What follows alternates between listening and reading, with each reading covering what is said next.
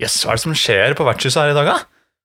Faen, det er jo De skyver gress inn i inn døra her, jo.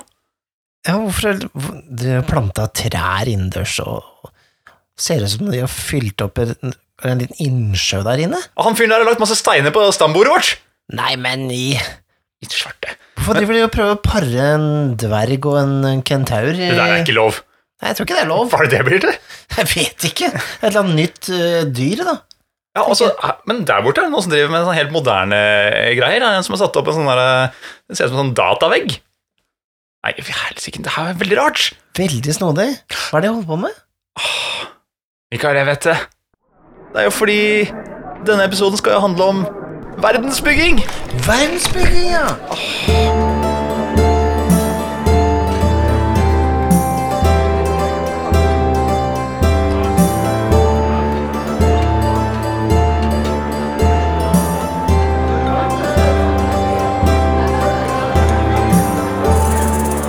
Velkommen til nok en episode av Vertshuset. Og det er veldig mye rart her inne akkurat nå, men det er i hvert fall fyr i peisen, da. Så det er jo god, god stemning, selv om det er blitt eh, nesten botanisk hage i ene enden her, og eh, jeg vet ikke hva jeg skal kalle det der borte, den paringen med dverger og kentaurer. Det- Men hva heter du, da? Jeg er Nikolai Krogshus Strøm, og du? Jeg er Mikael Stensen Sollien, og vi er vertene her på Vertshuset. Eh, nå føles det litt rart at de har da eh, ja, skufla inn eh, så mye greier her, men vi får bare prøve å lage en podkast, da. Vi har ikke noe ordning og redde på det vertshuset her, vi. Det ser man jo. Men verdensbygging, ja. Hva legger vi i det, egentlig? Nei, altså, du skal jo Man skal spille rollespill. Hvor, hvor er man, ikke sant? Det er jo, man er jo i en setting, i en eller annen eh, verden et eller annet sted. Og man kan spille i ferdiglagde settinger, som vi har selvfølgelig allerede prata mye om. Mhm. Um, som uh, Forgotten Realms i Dungeons and Dragons og Ravenloft og sånne ting. Eller man kan gjøre det som jeg liker best, og det er å skape det sjæl. Ja. Og det er jo mange som liker, og så er det noen som frykter det litt, og noen syns det er vanskelig, noen syns det er lett. Um, og eh, hvor begynner man egentlig da? Altså man, man begynner jo egentlig med ingenting, da, når man skal lage en verden. Ja, fordi det skal, jo, det skal jo mye inn i det. Det er jo et helt uh, Altså, det er jo ikke bare typo, topografien, uh, men det er jo også innbyggerne, det er uh, styringssystemet, kanskje, eh, som kan være forskjellige styringssystem forskjellige steder i den verden. Er det varmt, er det kaldt, er det moderne? Hva er den eh, nyeste teknologien? Og hva er historien til stedet? Det er jo på en måte Man kan jo gå seg vill i de greiene her. Det kan absolutt. Jeg tenker jo man må jo begynne med at man har en lyst til å gjøre et eller annet spesielt. Hvor, hvor begynner lysten for deg, da, hvis du skal lage din egen uh, verden? Nei, jeg, jeg, jeg tenker på en sånn Ofte når jeg lager en verden, så tenker jeg på en sånn hva om? Hva Nettopp, om ja. en hva om-situasjon. Hva om alle dverger var zombier, eller altså et eller annet, eller alle dverger eh, gjorde ditt og datt, eller øh, hva om øh, Hva skal jeg si Sola aldri sto opp, ikke sant? Du, man tenker på litt sånne hva om-situasjoner. Mm, Det er kul start. Så en, ja, hva om sola aldri sto opp igjen? Du lever i en, et evig mørke. Det blir Ja. kaldere og kaldere. Uh, avlingene dør. Ikke sant? Hvordan, hva skjer når alt dette her skjer? Bor alle under Mm. bakken Ikke sant? Man må tenke på sånne hva om-situasjoner.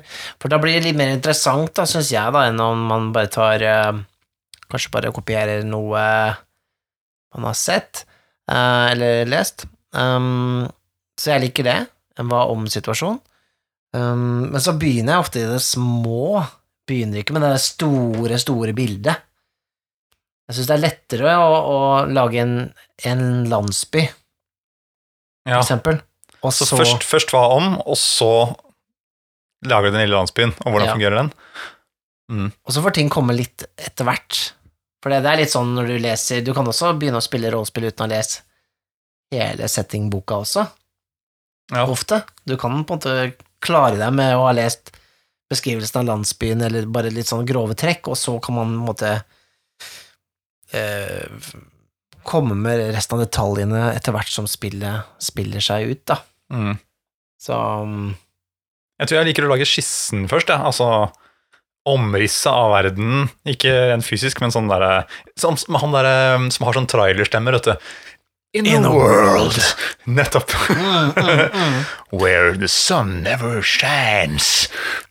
Og da har du omrisset. Det blir nesten litt hva om, da. Ja, ja. Og så bare litt sånn noen grove trekk. Hva har skjedd? Også, og, og noen sånne derre Hvem er i konflikt med hverandre? Mm. Og så måtte jeg begynne å fylle inn der hvor, det, der hvor inspirasjonen er mest levende akkurat da. Mm. Tilfeldigvis om det er av de som folkeslagene som bor der, eller om det er terrenget. Mm. Alt ettersom uh, hva In a World-mannen sier. Kan jo også være Altså, det, det morsomme mye, Det som er gøy, er jo å lage kart, da, når man lager rollespill. Mm. Ja, så det kanskje bare sette seg ned med et, eh, med et ark og så begynne å tegne kart. Og så begynne å tenke litt på hvem er det som bor i disse byene, hva slags forhold har disse byene med hverandre, hva, hva slags situasjoner har oppstått der og der, og ja Man kan også gå rett og slett helt opp liksom med et, et sånn langt unna-perspektiv, da, og så heller zoome inn sakte, men sikkert. Mm. Jeg tror jeg liker det bedre. Altså, du, du begynner med den lille byen, lille landsbyen, Mm. og så zoomer du ut, Ja. mens jeg har eh, hele verden, og så går jeg lenger og lenger, lenger inn, og ender på den lille landsbyen. Jeg kan synes det er litt eh, skremmende noen ganger, rett Mm. og slett, å, ta for seg. Altså, du- du har en så svær verden, så skal du zoome inn på den lille fliken der, og så er det lettere for meg å bygge ut. Det er jo derfor vi gjorde det sånn med da vi spilte DOD5-kampanjen vår, at jeg jeg kom jo med denne ideen om å lage denne byen, Mm. Dormwell, som den het, hvor vi hadde en sånn Hvor alle i gruppa kunne komme inn med sine egne MPC-er og, og bygge og sånne ting ut på den byen, men at vi hadde et sånn Egentlig en setting inni settingen, fordi at det å bare slippe dere løs i Forgotten Realms ble litt sånn derre eh, Litt sånn å traske i andre sine skriverier. Ja. Hvis det var kulere å, å, å ha en base, da, Mm. og så heller zoome ut seinere. Det likte jeg godt. Og uh, Dormwell, det var jo der vi var mest. Og det var jo så kult at eh, alle hadde lagd sine uh, ting Ja. inne på den der gruppa som vi hadde. Mm. Og så rullerte vi også på å være spilleder. Mm. Sånn at jeg, de gangene jeg var spilleder, så syntes jeg alltid det var gøy å liksom gå litt ned i, i postene i arkivet og så bare se hvilke, hvilke karakterer eller bygninger eller sånt, kan jeg bruke nå, Mm. som både gjør litt stas på den som kom med det forslaget for et halvt år siden, på en måte, mm. og er et grunnlag for noe jeg kan skape. da. Mm. Og jeg synes jo problemet kom jo når man gikk ut i den ferdig etablerte settingen, som da var Forgotten Realms, eh, DOD-settingen, Ja. eh, og begynte å bevege seg langt ut der, og kanskje noen kjente til det allerede ja. for mye. Altså var det ikke vår setting lenger, da var det dems setting. Altså, Var det Ed Greenwood sitt, eh, sitt eh, verk, ja. Yes, og det kunne ikke jeg noe om, jeg kunne bare noe om Dormwell, ikke sant. Mm. Så, så nei, det, jeg, jeg liker jo egentlig veldig godt verdener og jeg føler jeg har litt sånn oversikt og kontroll. Ja, ja. Og, og det er jo den derre Ja, da må jeg nesten ha skapt det sjøl, da. Mm. Ja, jeg, jeg, jeg får Det kommer litt an på. Jeg, jeg Sånn i mine eldre dager så setter jeg litt pris på han Så akkurat nå. Ja, nå, nå, for tida, så liker jeg å ha en ferdig setting. Eh, og så heller eh, For da, da har jeg et utgangspunkt. Mm. Da har jeg noe sånn eh, En måte å på en måte en, en plass å la ideene mine få eh, speede og gro, da. Mm. Hvor jeg kan eh, legge inn det, så mye kreativitet jeg føler jeg har mulighet til å gi, da. Inn i noe som allerede finnes. Mm. Det hjelper meg litt. Um, Så da har du jo lest masse om den eh, settingen da, Ja, ja. Og man, man driver med verdensskaping når man bruker en ferdigetablert setting også, for at alt det du legger inn dit, er jo ditt. Mm. Så når vi sier, spills, eh, når vi sier verdensskaping, så, øh, så skaper jo du verden parallelt med den som du bruker, da, som er ferdigskrevet også. Ja, Du- din verden i verden. Ja, ja. Ja. For du forandrer jo på ting. Du legger til eh, nye landsbyer, du legger til bygninger, du legger til eh, eh, MPC-er og sånne ting, så, så det blir jo ikke 100% noe som er ferdigskrevet. Nei, det gjør ikke det. Det, det, det, det er jo viktig å gjøre ting til steget, eget, syns iallfall jeg, når jeg, jeg skal eh, spille det. Mm. Men hvor begynner du da? Altså Hvis du ikke skal gå inn i settingen fra før, en som, som, som fins fra før, Mm. eh, og du har allerede eh, spurt den derre Stilt spørsmålet Hva om? hva om? Ja. Så, men hvor henter du da inspirasjon fra når du skal bygge videre på Valmen? Mm. Hva er gode kilder? Vet ikke, jeg tror jeg, jeg, tror jeg for Jeg er jo veldig sånn eh, sånn automatskriver. Altså, jeg skriver eh, jeg, jeg bare lar det strømme på. Ja. Så, så hvis jeg får inspirasjon på én bit av settingen, eller la oss si jeg får en idé om en annen rase eh, som man kan spille, for eksempel, eller et eller annet sånt, så vil jeg bare gått for det. Jeg vil gått, for, gått dit kreativiteten tar meg. Og hvis jeg da har vært veldig kreativ og lagd en del elementer, så ville jeg brukt de elementene eh, inn i et eventyr. Ja. Eh, ja altså, ikke også når du har lagd eventyret, bygge videre på verden. Ja. Ja. Altså, man, man øh, for, det, for, Ja, jeg ville tilpassa et eventyr som tok i bruk de tinga jeg hadde da funn, eh, lagd, da. Mm. Uh, fordi det er jo liksom rollespill at det du legger vekt på, er jo det som det er det som kommer fram i spill, da. Altså, Mm. ikke sant? Det er jo, hvis du nevner navnet på bartenderen, så, eh, så er det jo en MPC. Så, så sånn er det jo også når du lager en verden, at eh, det du velger å presentere for spillerne under en spillsession, det blir jo verdensbeskrivelsen som de har frem til da, liksom. Hva om alle var bartendere Ja. i hele verden? Eh, ja, og det er jo Sånn sett er det mulig å på en måte ha litt kontroll og, og, lage en setting uh, bit for bit. Men det er jo litt kjedelig når folk begynner å stille altfor um, vanskelige spørsmål, da. Ja, Hva er det forbi det slottet der? Hva, hva er det som hva, hva er, Hvilket land grenser det der til? Og, uh. Da må man bare man finne på i farta. Da er det fint å ha en liten sånn recorder bak GM-skjermen. Bare skru på den, og så bare begynne å boble. Og så bare Ok, der får jeg lytte gjennom etterpå, og så får jeg skrive ned det jeg sa. Men du kan nok ta litt utnytte av at i hvert fall i fantasy-settinger så visste ikke nødvendigvis folk så veldig mye om hva som lå bak horisonten. Det kom seg jo ikke så langt. Ja. Eh, så man kan jo alltids jukse det til litt sånn, da. Altså, jeg føler at det, det er en uh, liten spillersykdom. da At mm. bare man vil bak den horisonten. Hva er, hva er på enden av kartet? Vi må finne det ut. Vi drar dit. Det er jo litt sånn eh, Litt sånn typisk sånn uh, slitsomme spillere. Som alltid skal stille sånne dumme spørsmål. Man blir nysgjerrig, da. Altså, hallo! Men det er jo, når man først setter i gang, da, og man har gjort dette omrisset, Mm. så kan man jo virkelig Man kan jo gå ned i materien, da. Det er jo bare Jeg tenker jo det handler om å stille masse spørsmål. Mm. Hvis man har virkelig lyst til å skape en, en realistisk verden, så har man omrisset, og man har hva om. Man har liksom, når man har flesja ut på en måte eh, konseptet rundt denne, denne verdenen man har skapt, Mm. så kommer den derre alle detaljspørsmålene. Her vet jeg at det fins en del lister på nettet Mm. om det her også, men det er ikke sant, spørsmålet hvem eh, er lederne i dette samfunnet? Er det mange? Er det få? Er det én som leder hele verden? Mm. Hvordan, eh, hvordan forflytter man seg her? Eh, hvilken teknologi er den aller ypperste? Mm. hvil- hvilken er det folk bruker mest av? Hvorfor bruker de ikke magi til alt? Ja, ikke sant? Fins det magi? Eh, og hvordan fungerer kloakksystemet? Og hvor får de Ja. vannet fra? Ikke sant? Det er bare uh, masse sånne spørsmål man kan stille seg. Sånn der, Oi, det har lagt en by her, men de har ikke noe, de har ikke noe kilde til vann. Hvordan mm. gjør de det? ikke sant? Kanskje det er et interessant spørsmål. Oi, jeg glemte å tegne det på kartet, men hmm, kanskje hele greia at de importerer eh, vann fra en annen by. Og så blir det en ting. Så adder du på din egen verden hele tiden ved å stille spørsmålene.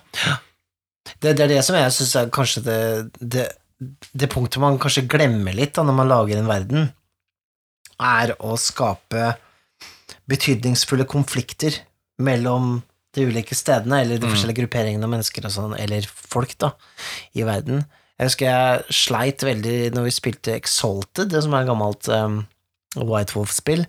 uh, hvor vi hadde en dritkul den Veldig kule settingen og sånne ting, men jeg følte liksom ikke at det var noe ordentlig konflikt der. Nei. Så jeg fikk liksom aldri Vi spilte et par ganger, og vi hadde det gøy og sånne ting når vi sloss og alt det der, men det var så vanskelig å få til en ordentlig sånn Hva skal jeg si Noe man virkelig kjempet for og kjempet mot, og det, det føltes litt sånn eh, som man Vanskelig å få den derre Det givet da man trenger for å, for å lage en, eh, en, en spennende historie. Og det var fordi det ikke lå nok eh, konflikt i, i verden. Ja, det var ikke det. Det var, liksom, det var masse gruppering med folk og sånne ting, men det var altså forskjellige sånne fraksjoner. Mm. Men jeg følte ikke at de, de var så i tottene på hverandre. Det var ikke noen som hadde sånn kjempestore mål, det er faktisk sånn jeg husker jeg leste det. Mm. At jeg følte at det var noe jeg kunne gripe tak i og lage en kul historie rundt, da. I så stor grad.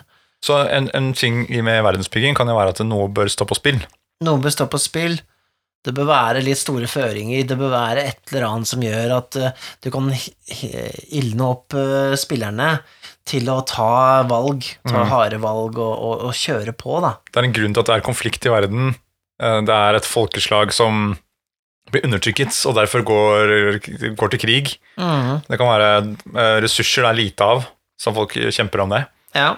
Og derfor det funker så bra med den gode gamle eh, Darth Vader, eller altså en sånn skikkelig bad guy, da. Mm. Eh, ikke sant? Stad von Zarovic. Altså, det er, det er en eller annen sånn Sauron the Deceiver. Ja, ja, men at du, du- har en som er så slem at det er på en måte sånn Man, man vil beseire den, den entiteten, da, Mm. ikke sant, for å redde verden. Mm. Veldig enkelt og svart-hvitt, men det er jo faktisk et veldig bra utgangspunkt for å lage meningsfulle historier, da. Mm. Ja, jeg liker jo Jeg liker jo at det er en, et nivå til med the bad guy, da. Mm. Men at kanskje man Ja, at man Når man går inn i denne verden, så ser man bare sort-hvitt. Ja. Og så, for hver spillsession, dukker det opp flere gråtoner. Mm. Det, det syns jeg er gøy. At bare faderen liksom Plutselig er man på lag med han der Darth Vader, da. Ja, ja, ja, ja. Det der er interessant, for det er jo um, eh, Det er jo ikke alle som setter pris på det. Man vil jo Det er mange som vil på en måte ikke ha politikk i rollespill, da. Ja, ikke sant? Eh, Ja. Jeg, Jeg skulle bare kose meg og hugge ned noen goblins. Ja, jeg vil ikke tenke på, på, på måte, konflikter i vår verden, jeg vil ikke tenke på rasisme og sånne ting. Mm. Men jeg syns jo det jo Ja, det er jo helt forståelig, det. Men jeg, jeg, jeg syns det er mer interessant å bruke rollespill som et verktøy til å reflektere våre egne konflikter og våre egne svakheter og styrker og alt sånne ting. Mm.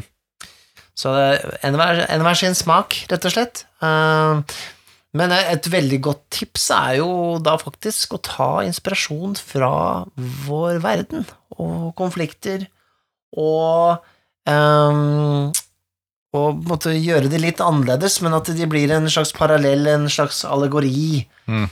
Jeg syns jo for eksempel altså det mest Det er nesten litt sånn teit å si det høyt, men en episode av øh, Star Trek så møter vi på en alien som uh, er svart på den ene sida og hvit på den andre sida Mm. av ansiktet. Mm. Og han krangler med en annen alien som er hvit på den motsatte sida og svart på den andre sida. Ja.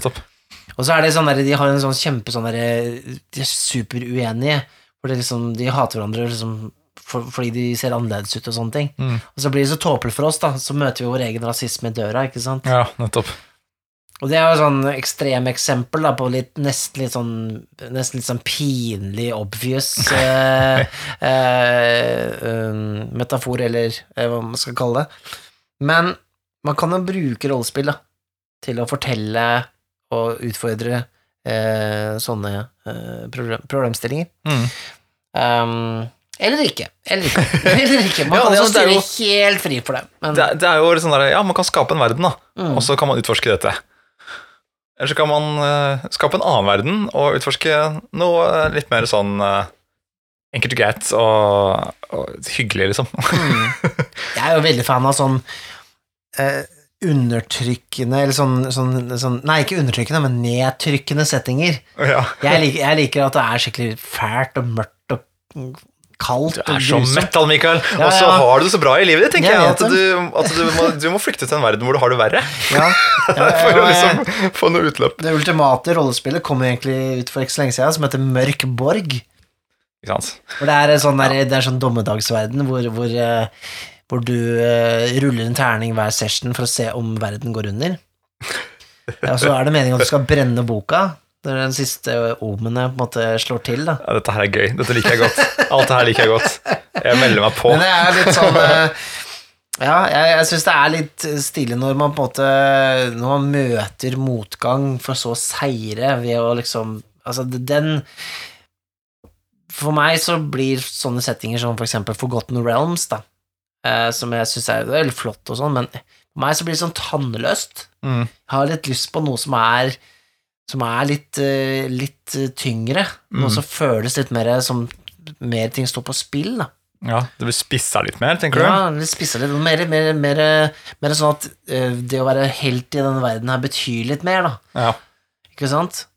Du er kanskje, det er ikke så mange helter, for det er ikke så mange som, som kanskje våger å være helter. Det, de eh, prøver bare å overleve. Det er ingen som Men dere som helter, da, eh, så blir det veldig spesielle på den måten. Mm. Jeg vet ikke. Jeg, jeg har alltid likt det bedre. Kanskje det Kanskje det er fordi jeg vokste opp på 90-tallet, og det var mer sånn greie da, men eh, jeg, På den annen side er det jo veldig mange som elsker å spille rollespill som er veldig sånn bekymringsløse, og man, man bare knasker pottis og, og dreper noen monstre, og liksom Mm. Det er den greia der, da. Men uh, det No, no. Jeg må ha med metal. du har vokst ut av noen rollespill og inn i noen andre, virker det som. Ja. Ja. ja. Nei, men, eh, men ja, det var en liten eh, side, litt sidespor til hva jeg foretrekker, men Men, men altså, en måte å lage verden på, det er jo også å ikke bare sette seg ned og tenke ut uh, hvordan en verden skal være selv, men det er jo å lage en verden sammen. Mhm. Og det er jo helt, eh, en helt fantastisk måte å gjøre det på hvis du skal spille med en gruppe over litt lengre tid. da. Mhm. Uh, At man setter seg ned og lager den verdenen sammen. Og det er jo et rollespill som har det som en uh, funksjon, er det ikke det? Um, Ja. Dungeon World. Yes. Uh, for i Dungeon World så Eller det er jo flere spill som har det. Jeg tror det også det, det kommer egentlig fra uh, Apocalypse World, som var det originale Altså det spillet som eh, Dungeon World er basert på, er for reglene. Men at eh, hvis du som eh, spiller sier at din rolle kommer fra Al-Kahana, så er det en by i den settingen, og spillet vil spørre hvor ligger den byen hen, da? Og så har dere et ark, og så «Ah, den ligger der nede, og så ligger den der nede. Ja, man, da etablerer du Med en gang du sier at noe ligger et sted, så gjør du det. Så har det etablert det, ja. Det er sånn uh, improvisasjonsteatergreie, sånn ja og-greie, Ja, hvor man bare må si ja til alt som dukker opp av etableringer. Da tenker jeg det er, det er dritkult. Mm. Men det er én ting jeg setter som en, sånn, som en sånn must for å spille på den måten, og det er eh, en sånn kontrakt sånn sp mellom spillerne i gruppa, er at ok i, At man alles behov på en måte blir stilt i sånn Man stiller spørsmål før man begynner, da, sånn Skal vi ha tullete navn? Skal vi tillate oss å liksom er det visse ting vi ikke skal ha med? Altså, man må ha en liten sosial kontrakt. For jeg, jeg vet ikke, sånn som meg sjøl, at eh, hvis du har en by som heter for eksempel eh, Nippelheim. Uh, Snørr, Snørrby, Ja. så, så, så blir jeg litt sånn åh Jeg vet ikke, det, For meg så Ja, det ødela, liksom. det ødelegger Ja. for meg, og jeg, det er ikke sikkert jeg kommer forbi det engang. Jeg syns det blir litt sånn This is not my D&D, liksom. Nei. Det- Ja, nei. så, så jeg tenker det er viktig, da, å ha en viss sånn kontrakt eh, seg imellom når man spiller, at man holder det på et, eh, et felles nivå, en, en, en eller annen vib, da. Mm. ja. Det kan være lurt uansett nesten hvilket rollespill man spiller, da. Ja, Eh, og om man har lagd verdens eller ikke også. At bare Hva kan vi forvente oss? Sånn, altså, hva er rammene ja eh, rundt det spillet her? Er det ok, vi skal eh, ha en eh, urban horror. Er alle klare for det? Så Mm. kan man rekke opp hånda og si eh, jeg trodde vi skulle spille litt sånn fantasy og kose oss. Ja, ikke Bare, sant? ok, men da må vi tenke litt nytt. Mm, Ikke sant? mm. Så det, det er jo lurt å bare etablere det fra begynnelsen av Det uansett. er det er jo der på en måte Ja, for sånn spilleder, da, hvis, man, hvis det er den som lager settingen, så har jo du mulighet til å på en måte presentere ditt livsverk for spillerne. Mm. du kan liksom gå inn i den verden og oppleve den, ikke sant? Det, det kan være litt eh, Det kan være litt soul-crushing noen ganger, det også. For at du har kanskje lagd noe som du er veldig stolt av, Ja. eller som du likte veldig godt, og så bryr ikke spillerne seg noe nevneverdig om akkurat den greia der, og så Nei. går de bare videre, ikke Nei, sant? ikke sant. Du jobber som eh, botaniker eller annet sånt eh, med sopp eller noe sånt, og så bare Ingen spør om alle de sopptypene du har skapt bare for dette spillet. Ja, så man skal være litt obs på at man ikke på en måte detaljere for hardt, da. Jeg har uh, gått i den fella uh, sjøl. Jeg har da jeg skulle spille Vampire en gang på 80-tallet, og ikke 80-tallet, 90-tallet, uh, så, så lagde jeg jo en egen setting. Mm. Jeg lagde jo en settingbok, omtrent. Den ble veldig den ble lang. Hva kalte du den? Eh, Baltimore by Night. Liksom, jeg satt i Baltimore, da, og ikke sant, jeg hadde liksom 20 NPC-er, jeg hadde som jeg hadde skrevet ut hele historien, bakhistorien til, og så hadde jeg skrevet liksom om alle bydelene og hvem som regjerte der og der, og bla, bla, og bakhistorien for alt sammen. Ikke sant? Jeg brukte jo et år på å planlegge å spille det. Wow. Og så spilte jeg jo egentlig bare i den settingen liksom typ fire ganger. Ja. Og hva skjedde når spillerne ble sluppet løs? Nei, altså, det, jeg vet ikke, jeg var ikke så moden, jeg føler jeg, til å spille Vampire. Det, det ble ikke sånn jeg hadde forestilt meg det. Det, det ble Ikke sant? Så det, sånn sett så gikk jeg med min egen Altså, jeg, jeg skapte jo på en måte forventningspress overfor meg selv, da, hvordan, hvor bra denne settingen skulle bli, og, og sånne ting. Og når jeg først spilte det, så, så, så hadde jeg for store forventninger både til meg selv og til spillerne. Ja. Ikke sant? Så hvor jeg, hvor jeg heller ble sånn derre Åh, nei. Det ble ikke helt sånn jeg hadde tenkt det. Så du brukte et år på å kose Du koste deg jo sikkert når du lagde det, da. Men du har jo drevet med verdensbygging i et år. Ja, Og så kom spillerne og så bare Ah, fanken. Det var, ah, her plukker de det fra hverandre, eller de spiller ikke på den måten jeg ønsker ønsket meg. ja, ikke sant? Mm. Ja, det er sånn teit altså, Men- senere har jeg blitt flinkere til å ta imot eh, Jeg har, jeg har blitt mindre ego, da, når det gjelder uh, uh, verdensbygging og, og alt det der. Men den der Baltimore by Night, er ikke det egentlig en solskinnshistorie, da, Mikael? For du, det tok, det. for du tok jo den frem igjen Jo, mange år senere, ja, og øh, spilte det med nye spillere. det gjorde det. Ja, og, og da da gikk det jo veldig fint. Ja, nettopp. Så da, da har den ligget der. Så verden lå jo der. Ja. Arbeidet ditt, Mikael. Det ble ikke Det var for en grunn. Ja da, ja, ja, det var det. Så eh, nei, men det er jo ganske mm, Det kan fort ble at man overplanlegger, så jeg vil bare anbefale, å ikke Ikke sum for langt tilbake, og ikke, ikke lag for mye på forhånd. Med mindre du syns det er dritgøy, da. Ja, ja, med mindre du syns det er dritgøy, eller du skal gi det ut da, som en bok eller et eller annet Ja. sånt, da kan det være greit. Men, men eh, det er på en måte Det blir et sånt arbeid som ikke nødvendigvis eh, Det er ikke alt som kommer til å bli brukt, da. Nei. Du trenger er sant, trenger ikke så mye heller. Men da er jo spørsmålet hvor enkelt kan du gjøre det? Altså hvis du skal skape en verden, hvor, hvor simpelt måte, kan du gjøre det, og fortsatt fungerer det? Jeg tror du kan eh, Jeg tror du kan eh, ta et A4-ark, og så kan du lage eh, fire rundinger, og så gi de rundingene et navn. Mm. Og så spre de litt fra hverandre, og så kan du skrive fem stikkord på hver av de rundingene, og så er det de fem byene Mm. i det spillet. Mm. Tror det, jeg tror det holder, altså. Ja. Egentlig. Jeg tenker eh, ja, noe sånt noe. Du, altså, eh, ja, som du var inne på i begynnelsen, hva er konflikten? Mm. Hva, hva hva er dealen? Hva er dealen, på en måte? Mm. Og er det middelalder, eller er det moderne, eller er det Hva er det for noe? Er det Ja. undervannssetting? Bare få på plass det. Mm. Er det gjerne noe som noen kjenner til, da? eller hva for noen som kan hooke seg på? For hvis det er en veldig intrikat setting, typ sånn derre eh, Vi har alle en demon som alltid går ved siden av oss, eh, og eh, vi bruker ikke penger, vi bruker ord som Mm. penger. Så er det sånn, ok, da krever det mye av spillerne for å sette seg inn i det, men hvis det på en måte er ok, det er det gode gamle, det er middelalder-Europa-ish. Eh, Den mest avanserte teknologien er eh, eh. Mhm. Og mm, det er noen guder det og det har skjedd, eh, det er en krig, eh, og så kommer de fem, to, tre, fem byene. Mhm. Og så kan man kanskje litt mer om den ene byen hvor man starter, da. Ja. Da tenker jeg det er good. Good go. Ja, ja, Kan sikkert det, gjøre det enda enklere. Altså, sånn som du sier, Bare ha de byene og så bare sette i gang. Men i hvert fall bare ha omrisset. da, Moderne setting, eh, post-apocalyptic. Ja, ja, jeg, jeg tror man kan gjøre det enda enklere. Og det er jo sånn, det var det som fascinerte meg så innmari når jeg var med å spille Jeg var spilleder for uh, Fabula. Uh, sommerspillet, som det heter, som han, mm. eh, Thomas Mørkeri har hvert år. Og da var det jo Det er jo kanskje en del av den nye Fabula, dette, som ikke er utgitt ennå, hvor man skriver ned scener på et ark, sånn mm. ti scener, og så er det bare en, en enkel setning, og så viser man det til spillerne, Mm. og så velger de neste scener selv.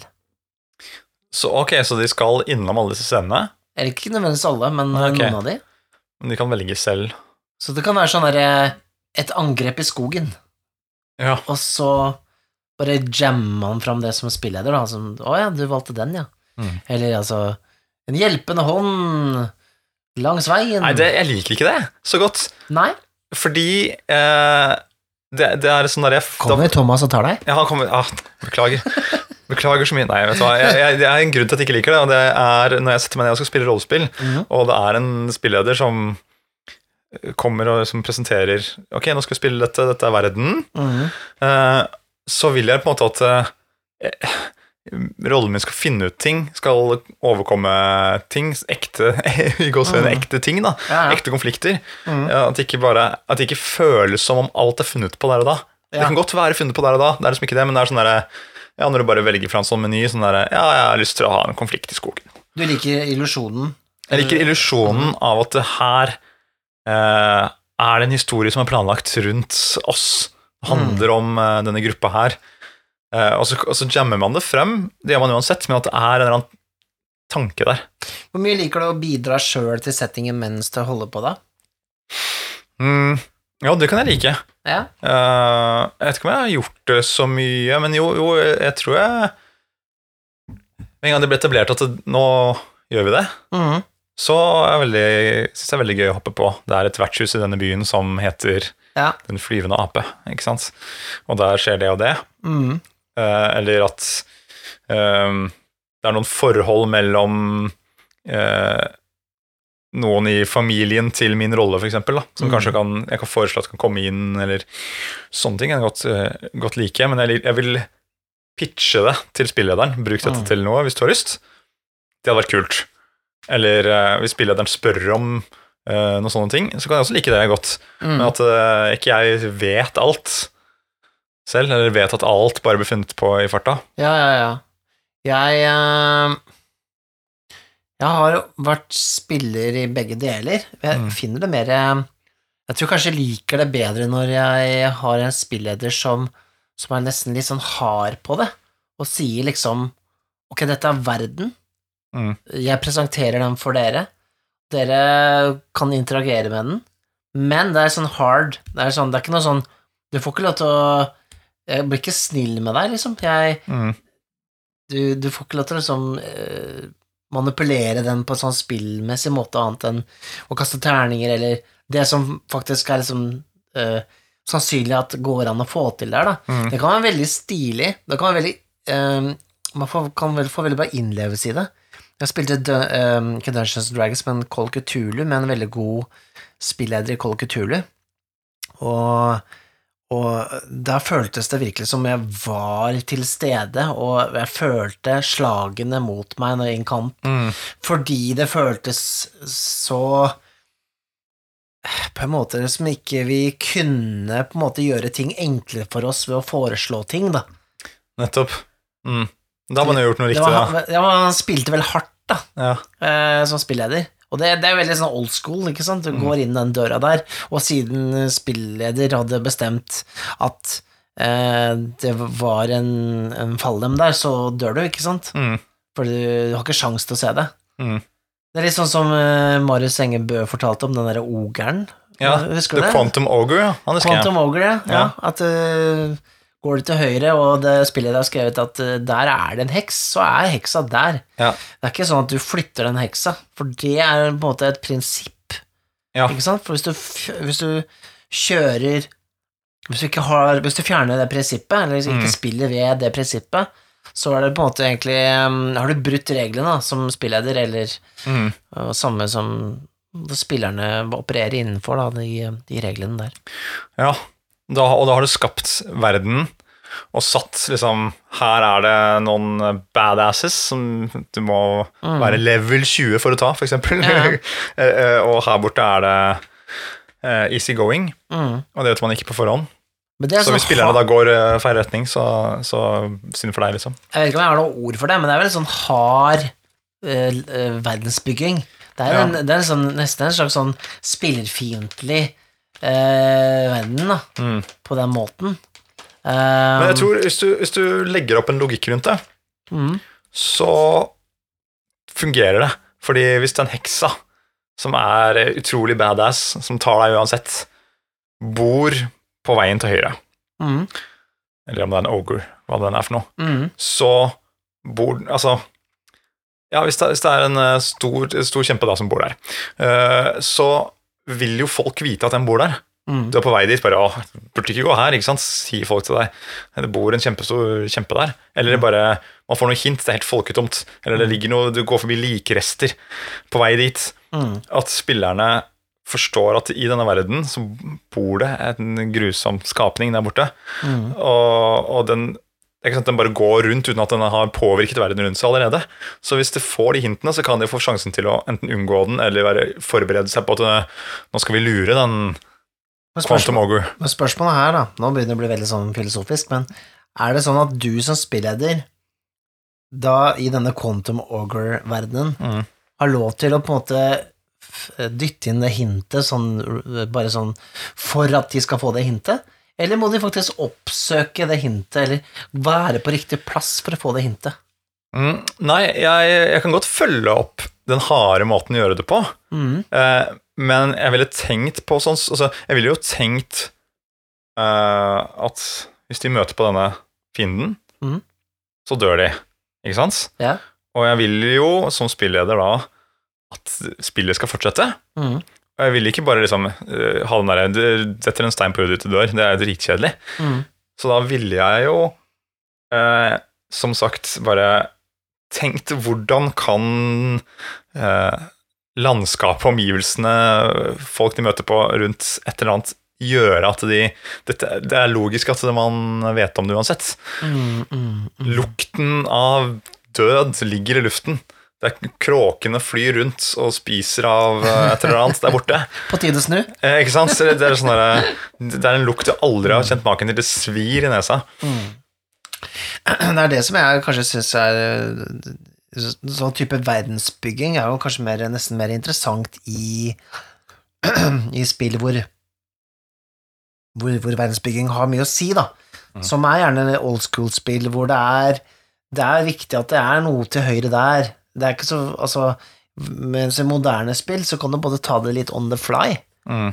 ikke sant? Fordi at du Det handler liksom heller om å lage en historien sammen. Det handler mer om eh, improvisasjon, og lage en, en utfordring som passer til hvor mye hitpoints folk har igjen, eller, eller hva enn det er, da. Mm. Uh, mens i gamle spill så er det den kontomogeren, og det er den, den at du faktisk Du koder inn et spill, ikke sant? Det er nesten med dataspill. Du Mm. koder inn, inn eh, utfordringene, og det er liksom din feil at du dør hvis du går feil plass.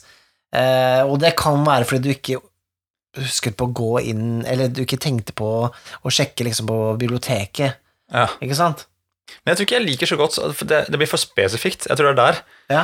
Uh, at siste verden er skapt så spesifikt at du har satt inn den der uh, ogeren, da, Mhm. eller eh, kjempen, akkurat der. Han står bare der, klar, liksom, som i et dataspill. Ja, ja. så, så ja, det blir for spesifikt for meg. Jeg tenker jo heller i, jeg tenker i scener mer. Ja. Uh, når jeg skal lede et spill, og da er det ikke sant, du skal gjennom en historie. Og i den historien så dukker ikke opp eh, den helt sinnssyke fienden som er altfor uh, vanskelig å overvinne. Nei, nei. Det kommer noen utfordringer som kan gå feil, men det er ikke liksom helt sånn der alle bare dør. Ferdig med det. nei. Men um, hvis spillerne jeg legger opp da rom til at spillerne kan utforske noe annet, de må ikke nødvendigvis følge den scene for scene for scene. Mm. Hvis det var sånn der, ok, men vi går jo forbi en interessant by her, har lyst til å stikke inn der, og så kanskje man har lagd et omriss av den byen, da. Mm.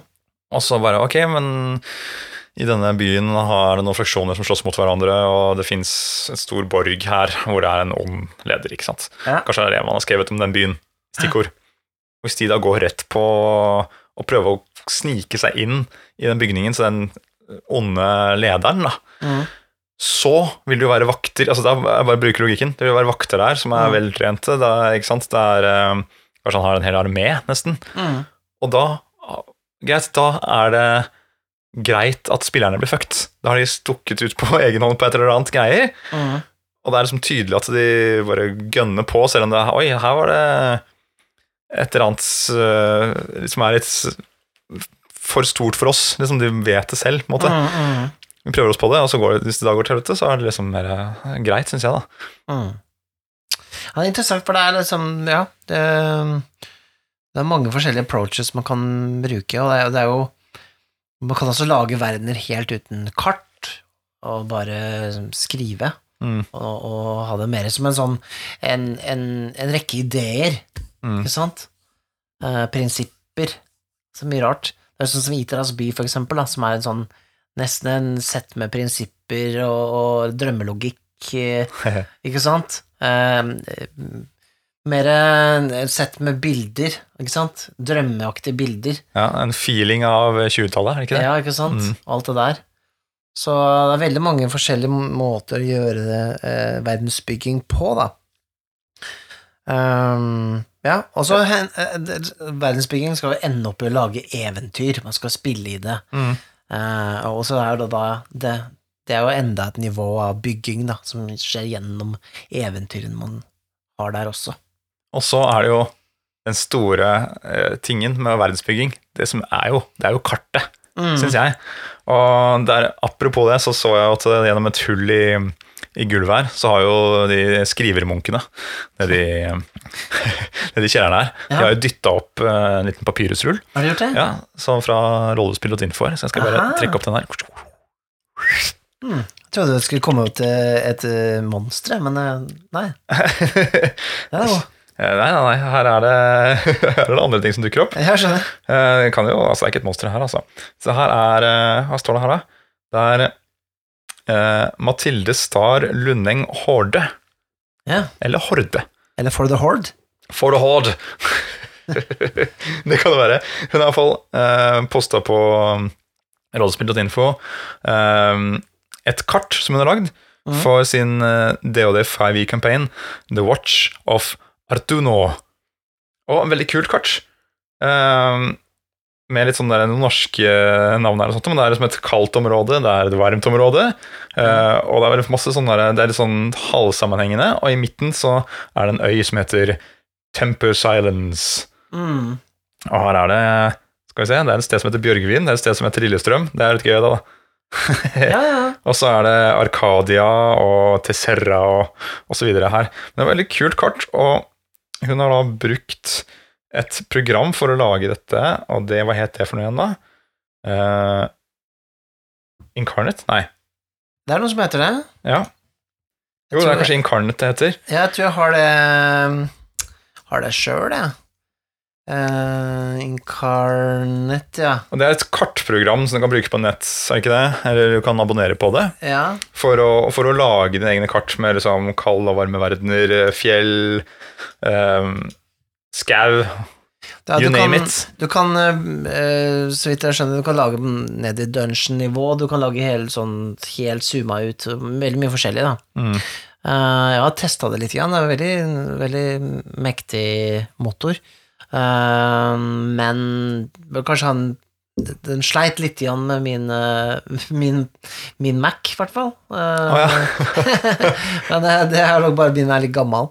Um, ja, det er kult. Jeg, jeg har jo støtt på den her litt problematikken nylig sjøl òg, for at jeg, jeg eh, trengte også lage noe kart.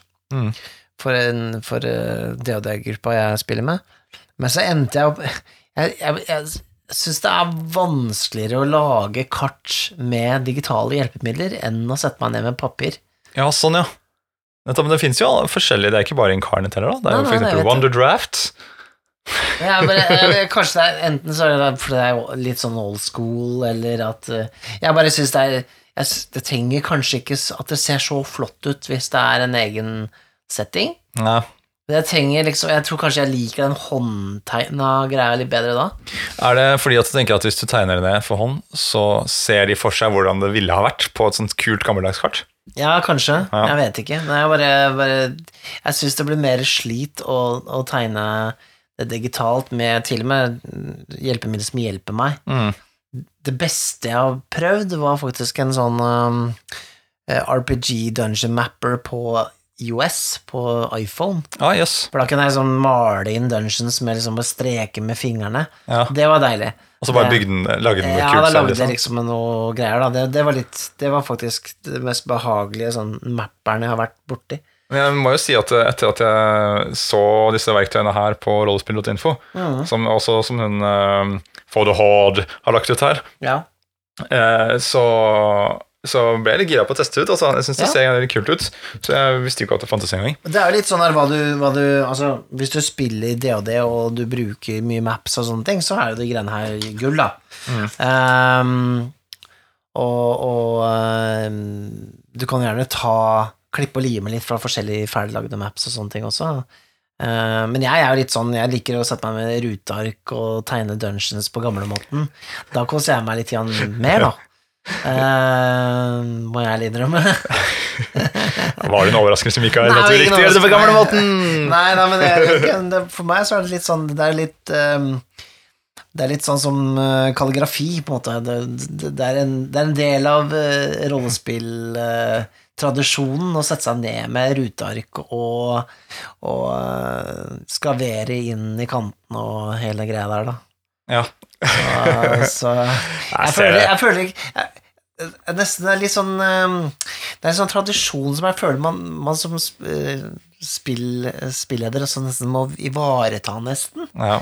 Ikke sant? For Hvis man ikke Hvis det ikke er noen igjen som forstår hva symbolet en runding med en stjerne i betyr lenger, så Hva betyr det? Det betyr statue. Ja, Det visste ikke jeg, Mikael. Det er, det er, det er fra It's dying gamle, gamle døde. At en runding, og så er det en sånn stjerne inn, så er det en statue. Ja, topp. ja. Ja. Eller bare en runding. Det er en, det er en eh, Hva heter det for noe? Søyle. Eh, Det er søyle, ja. Ja, den, det, Den den, kjente jeg til, ja. kjen- kjente jeg til. Ja. Men hvis du har dette kartet som du har lagd i et annet program, da, Mhm. som eh, skissa di, på en måte, mm. så er jo det perfekt. Så kan du sitte og lage dungeons på papir så mye du vil etter det. ikke sant? Mm. ja men mitt, pro deler. mitt problem, da, som, som jeg støtter på, er at ja, jeg vil tegne for hånd, men så har vi jo spilt litt online. Mm. Da vil jeg gjerne at det skal se litt kult ut, ikke Ja. bare som Altså Paint. Ja, ja, for det Og da ble det litt problem, da, for da tenkte jeg åh, da må jeg kanskje begynne å bruke de tingene der, men så møtte jeg bare Nei, vet du hva, jeg gidder ikke. Nei, jeg gidder ikke å drive og flikke med det. så ja, nei, det er hver sin Hei! smak. Hei, jævla skitskaller! Å, det er Roland igjen nå. Hei! Hva med veckans monster da? Ja, det var det jeg lurte litt på. Er- er- Har du noe, Nikolai? Nei, jeg har ikke det. Ja, jeg har ikke planlagt noe. Kanskje Roland har noen ting? Det skal jeg faen meg fortelle deg! Jeg har veckans monster her. Veckans monster!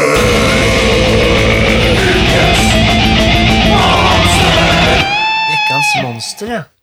ja. Hva er det for noe, da? Ja, nå flytta deg fra mitt sete her. Nå skal jeg sette meg ned. Ja, jeg skal flytte meg. Sorry, da. herregud. Sett deg ned, Roland. Du er så aggressiv, Roland. Jeg måtte ta deg Jeg er en ikke aggressiv, men jeg prater jo bare om vandrerne og Idrettsby og alle fuckings norske rollspill. Ja. Skal jeg komme med et riktig rollspill for dere svenske mutant? svenske mutant, ja. Ja, Siste året, eller year zero som du sier i Storbritannia. Storbritannia. null. År noll. ja. året, sier jeg. For å være litt dramatisk. Og her Her har vi et monster. Et läskigt, fruktansvært monster som du aldri har sett maken til. Kannibalene. Kannibaler, ja. Ja, du kanskje hørt tales talas om dem? Jeg har hørt om kannibaler. Ja, Mm. de er noen jævler, skal jeg si. Tunne seniga typer. Vandrar rundt på sletterna. Og hvis du møter på dem, så fy faen, du kan prøve å overtale dem så mye du vil, men det vil ikke fungere. For dem er det bare intimidasjon som gjelder. Kroppslig. Fruktansvær. Maskingevær. Sånne der saker som skremmer dem iväg. Men hvis du setter deg ned og sover, ja, så kommer de og lusker på deg og eter din kropp. Å nei. Um, Kannibaler, ja. Det er jo eh, veldig sånn Dette er en post-apokalyptisk setting. Skal jeg faen meg fortelle deg. Ja. Men kannibaler er litt sånn, eh, sånn Det kan også fungere i fantasy, da. Med, men det er jo litt sånn eh, Jeg vet ikke, jeg var, jeg var veldig redd for kannibaler på 80-tallet, men det er liksom ikke en ting man tenker på så mye mer. Jeg føler det er litt sånn Jeg tenker på det hver dag, Mikael. Hver dag når jeg går ut för här från värdhuset så, så titter jeg meg over min skulder etter mm. kannibalerna. Jeg håper ingen svensker hører på det her nå. Jeg garanterer det er noen svensker som hører på det der. Men ja, men Roland, det er jo interessant. Kannibaler, ja. ja altså, det, det er jo en klisjeen å bli fanget av kannibaler og stappa i en gryte. Men eh, kannibaler kan jo være ganske guffent hvis det er f.eks. folk eh, som eh, La oss si hvis noen har sett filmen eh, Delikatessen. Eh, eller den norske filmen som har kommet på Netflix nå, som heter så mye som eh, Kadaver. Den er svensk den filmen. Nei, nei, nei, den er norsk. Nei. Den er norsk. Så har du litt sånn den postapokalypse og sånn at man spiser menneskekjøtt, man er sånn hemmelig uh, sosietetsfolk, ikke sant, som eh, kidnapper folk og bla, bla, bla. Da spoila jeg kanskje den filmen på Netflix, ja. og det- delikatessen samtidig. Typisk norsk, det her. Ja. Uansett, jeg har fortalt om mine kannibaler. Jeg har berettet om mine kannibaler Ja. i MUTANT. Bästa rollspelet ever. ja, det, det, det skal ha for at eh, dere har noen bra rollespillere, svensker. Det skal ha det. Ja, jeg kan nevne her draker og demoner. Vesen. Kult. Kom igjen. Sleng på. Alt er svenskt. Eon. Ja, Western. Eh, hva har vi noe mer, da? Vi har Takk for meg! jeg setter meg tilbake med min harpsikord. Jeg kan spille når jeg, når jeg er klar. Ja, ja, ja. ja Så men- jævla skitfjes, uh, sett deg her. Ja, da, men Ja, det, var, en, Det var det, var en opplevelse eh, å få Roland med på uh, Vekkans monster. Ja, han er en aggressiv fyr, altså. Ja, veldig. Ja, men han får mye ut gjennom å spille, tror jeg. Ja, øh, og ja, han spiller jo ganske aggressivt på den gjør faktisk det. Det er kanskje det er hans instrument, da. Virkelig. Altså, Han du var blir jo litt hakkeløs. du blir litt irritert av å spille den samme sangen to ganger hver uke, da, eller, sånn, eller annenhver uke. Altså, Spiller han noe annet? Spiller han, han han kan bare én sang, tror jeg. bare- Han kan jo den der. Han er, han er billig i drift, da. Han er det. Men eh, ja, Men- spennende. Vet du hva? Eh, jeg skulle egentlig si det, men så kom jo Roland løpende her med Vekkans monster. Ja, Men jeg skulle egentlig fortelle om at vi har jo en helt fantastisk eh, Konkurranse! Denne uken. ja, den er helt vill, faktisk. Ja, Fordi vi har eh, fått tilsendt en vidunderpakke fra en eh, norsk spillskaper Ja. eh, som vi skal lodde ut i dag. Og det som er denne ukens premie, det er intet mindre enn Nå skal jeg faktisk eh, ta frem notatet her. Et øyeblikk. Det er intet mindre enn rollespillet Vandrerne. Og du får ikke bare rollespillet Vandrerne hvis du vinner denne konkurransen. Vent, er det mer? Ja, det er mer. Du får Vandrerne grunnboka. Du får også Vandrerne krønikene, som er tilleggsheftet til, eh, til Vandrerne, hvor det er mer informasjon om verden, noen eh, alternative regler mm. osv. I tillegg til det her så får du tre eh, trykte eventyr, hvorav ett av de er eh, det eventyret som vi spiller i søsterpodkasten vår, eh, Vertshuset spiller. Mm. Evig hvile, som det eventyret heter, ja. Nettopp. Uh, og de to andre eventyrene er noe som heter Under en ung himmel og Stormhavn. Kult. Ja, Så de får du med, men stopper du der? Nei, De gjør ikke det. Nei, nei, nei. du. Får med ti rolleskjemaer på tjukt papir, Wow. og i tillegg så får du to romaner i, satt til Vandrerne-universet. Det Ja. er eh, rødmanke og sovende skygger. Og i tillegg Ja, Det stopper aldri! Det stopper aldri. Det her er en sinnssyk pakke, altså. Um, det er da, som en bonus, så får du eh, diktboka Blå skog, som også er skrevet av eh, skaperen av vandrerne, eh, vandrerne eh, Øyvind Stevengrunne. Så dette er jo da helt, helt fantastisk. Da har vi det kanskje den mest komplette vandrerpakka noensinne. Og den kan du vinne gjennom vår konkurranse. Det er én heldig vinner her. Ja, og for å vinne altså Vandreren grunnboka, Krønikene, tre tykte eventyr, ti rolleskjemaer, to romaner og diktbok, så må du svare på dette spørsmålet. I søsterpodkasten vår, eh, Vertshuset spiller, Vandrerne, Mm. eh, så er det tre vandrere som legger ut på eventyr. De kommer til en øy hvor de møter eh, ordstyrer, en ordstyrer i øyrådet, hvor han hersker. Mm. Hva heter han? Hva er hans navn? Hva er hans navn? Da er det også viktig å ha med fornavn og etternavn her, da. Ja. Mm. Eh, så det her er eh, eh, noe du finner ut av ved å lytte til podkasten Vertshuset spiller, Vandrerne, evig hvile. Og det, jeg, altså, jeg har sikla på den pakka der sjøl. Jeg, jeg har noen av de, de innholdet der fra før av, men oh, wow. Mm. Det, er, det er litt av en snadderpakke.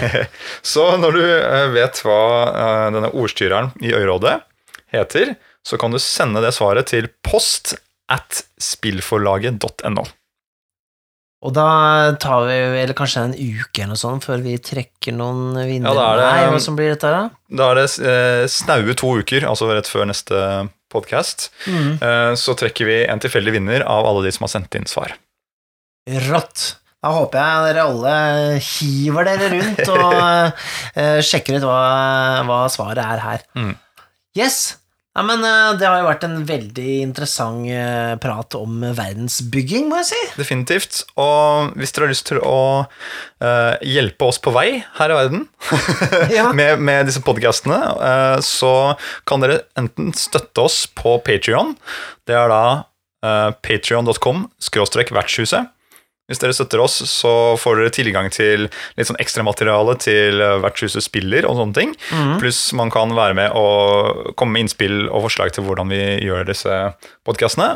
Du kan, eh, hvis du vil laste ned musikken fra episodene vi legger ut eh, på Vertshuset spiller, så kan du støtte oss der. Eh, Vi vil også ha noen andre fordeler, sånn som eksempel spesialepisoder, da, som vi kaller for Vertshuset på bakrommet. Mm. Som også vil som det, er- Vi har én episode, men det kommer en etter Vandrerne ferdig også. Mm. Og selvfølgelig, øh, vi blir veldig veldig glad for at øh, dere vil støtte oss. Og vi har noen som støtter oss allerede, og det setter vi utrolig pris på. Ja, det er utrolig kult. Og hvis det er noen som har lyst til å mm, abonnere eller legge igjen kommentarer på podkastene våre også, på f.eks. iTunes eller andre steder, så er det kjempegøy. Og veldig kult hvis dere har lyst til å dele podkasten. Fortelle om den til venner som er interessert i rollespill. Alt dette her eh, hjelper oss veldig fremover. Så, men eh, ja, tusen takk for eh, at du bare lytter, tenker jeg. Ja. Det holder i massevis. ja, det, er vi veldig glad for det òg. Og vi er glad i dere alle sammen. Ja, ja, ja. Spesielt dere som bor i California. Love you guys. ja, for vi har noen lyttere i Jeg så vi hadde ni lyttere i Ni lytter lyttere i California. Jeg lurer på hva de eh, får ut av dette her. Eh, uansett, da tror jeg Roland sitter og tipper der. Han er klar for å ta kvelden, han. ja, han er det. Ja. Ja. Du får spille opp, Roland. ha det bra. Skal ikke Roland si ha det? Hold kjeft, faen! La meg spille! Låt meg spille!